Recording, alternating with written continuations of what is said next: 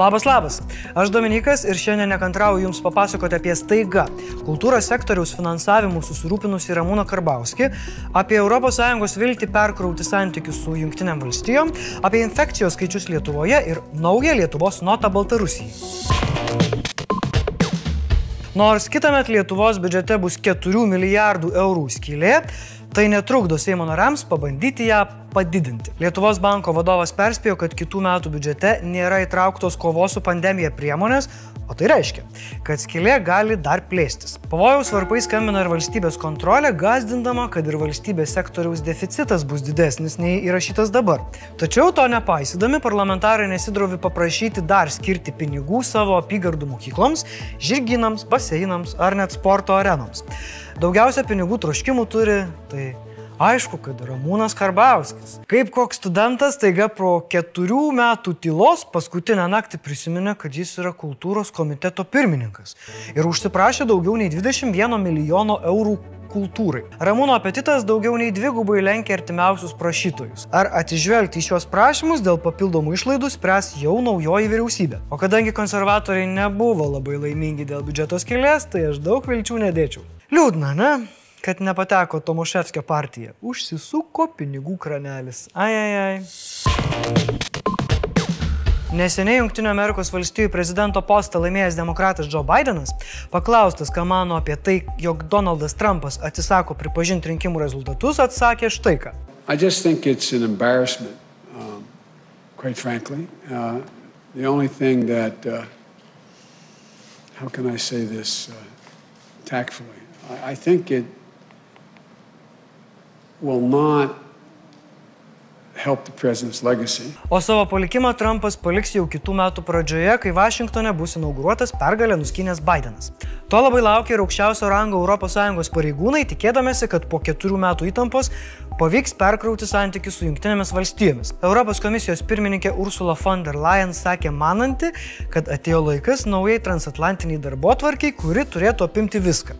Nuo saugumo iki tvarumo ir nuo pasaulinių ekonominių galimybių suvienodinimo iki pasaulinių institucijų stiprinimo. Pats Bidenas žurnalistams sakė Europos šalių vadovus patikinęs, kad Amerika vėl sugrįžo į žaidimą. Ir dabar žaidime bus ne vien Amerika. Make America come back again.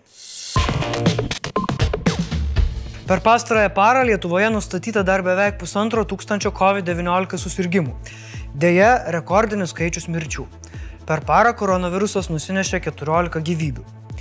Liga vis sparčiau plinta gydymo įstaigose bei globos namuose.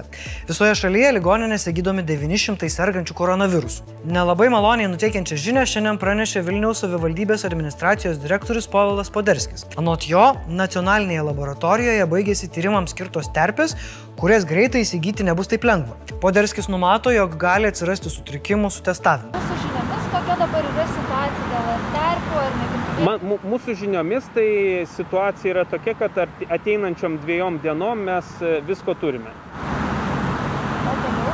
Nežinau. Deja, tą patvirtino ir nacionalinė visuomenės veikatos priežiūros laboratorija, kurioje jos pačios skaičiavimais reagentų užteks tik 54 dienoms, o turimams skirti mėgintuvėliai gali pasibaigti dar anksčiau. Iš gerų naujienų šiandien tik vyriausybės leidimas pradinukams pamokose dalyvauti be kaukių. Tai kas bijojot, jog vaikas gaus mikročipą per kaukę? Galit būti ramus. Tiek žinių, kaip ir kiekvieną savaitę, pateikė su COVID-19 kasdienybė susijusi patarimą. Tėtos draugė sakė, kad nuo koronaviruso reikia gydytis antibiotikais. Jo melas. Nėra jokių antibiotikų, kurie veiktų prieš virusinės infekcijas. Antibiotikai veikia tik prieš bakterinės kilmės infekcijas. COVID-19 yra virusinė infekcija, o pasak pasaulio sveikatos organizacijos, antibiotikai apskritai neturi būti naudojami kaip prevencinė priemonė prieš virusinės kilmės infekcijas. Tačiau, jei esate gydomas ligoninėje nuo koronaviruso, medikai jums gali skirti antibiotikų tam, kad apsaugotų jūs nuo gretutinių bakterinės kilmės infekcijų. Klausykite medikų, savo nuožiūrų vaistų nevartokite. Astravo atominė elektrinė nuo sekmadienio buvo sustabdyta, nes sprogo keli įtampos transformatoriai. Mes apie incidentą sužinojome iš žiniasklaidos, o ne iš pačios elektrinės arba Baltarusijos valdžios. Dėl to Lietuva Baltarusijai įteikė protesto notą. Joje reikalaujama, kad kaimynai pateiktų oficialią informaciją apie įvykusį incidentą, jo priežastis ir įtaką branduoliniai saugai. Be to, raginam nepaleidinėti elektrinės, kol nebus užtikrinti aukščiausi saugumo standartai. Mūsų reikalavimai yra visiškai pagrysti, nes pagal dvišalį susitarimą apie tokius dalykus jie yra įsipareigoję mums pranešti. Incidentas įvyko ne reaktoriuje, taigi Lietuvoje nėra radiacijos padidėjimo ir panikuoti tikrai nėra reikalo. Tačiau įvykis rimtas ir gedimui suremontuoti prireiks nuo kelių savaičių iki kelių mėnesių. Nežinau ar pamenat, bet jeigu ne, tai priminsiu, kad nesaugiu atstumu nuo mūsų pastatyta Astrovo atominė elektrinė visada turėjo problemų. Ten buvo kilęs gaisras, kurį buvo bandyta nuslėpti, sugriuvo valdymo patalpų perdangos, du kartus apdaužytas reaktoriaus korpusas, rastos montavimo bei techninės klaidos. Arba kaip sakydavo Sovietų sąjungoje, net analogov mirė. Blitz naujienos. Lenkijoje šiandien minimos 1918 metais iškovotos nepriklausomybės 102 metinės. Dėl pandemijos įvestų apribojimų nevyks tradicinės nacionalistų eitynės. Lenkija šią progą pasveikino Gitanas Nausėda ir Saulis Kvernelis. Sveikinam ir mes. Socialdemokratų pirmininkas Gintautas Paluckas pralaimėjo dar vienus rinkimus. Šį kartą, kas taps Sotsdemų frakcijos seniūnų naujajame Seime. Jo taps rinkimus laimėjęs Algirdas Sysas. Visi Hongkongo prodemokratiški parlamento nariai atsistatydino po to, kai režimas išvarė iš parlamento keturis jų kolegas.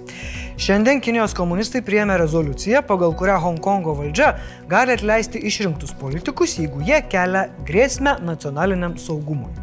Europos komisija pranešė, kad pasirašė sutartį su farmacijos milžinė Pfizer dėl mažiausiai 200 milijonų vakcinos nuo koronaviruso dozių įsigijimo, su galimybė vėliau įsigyti dar 100 milijonų. Europos komisija jau yra pasirašusi sutartis dėl vakcinos tiekimo su AstraZeneca, Sanofi GSK ir Janssen Pharmaceutica. O va taip atrodo dabartiniai valdantieji, bandantis dar labiau praplėsti būsimo biudžeto skilės.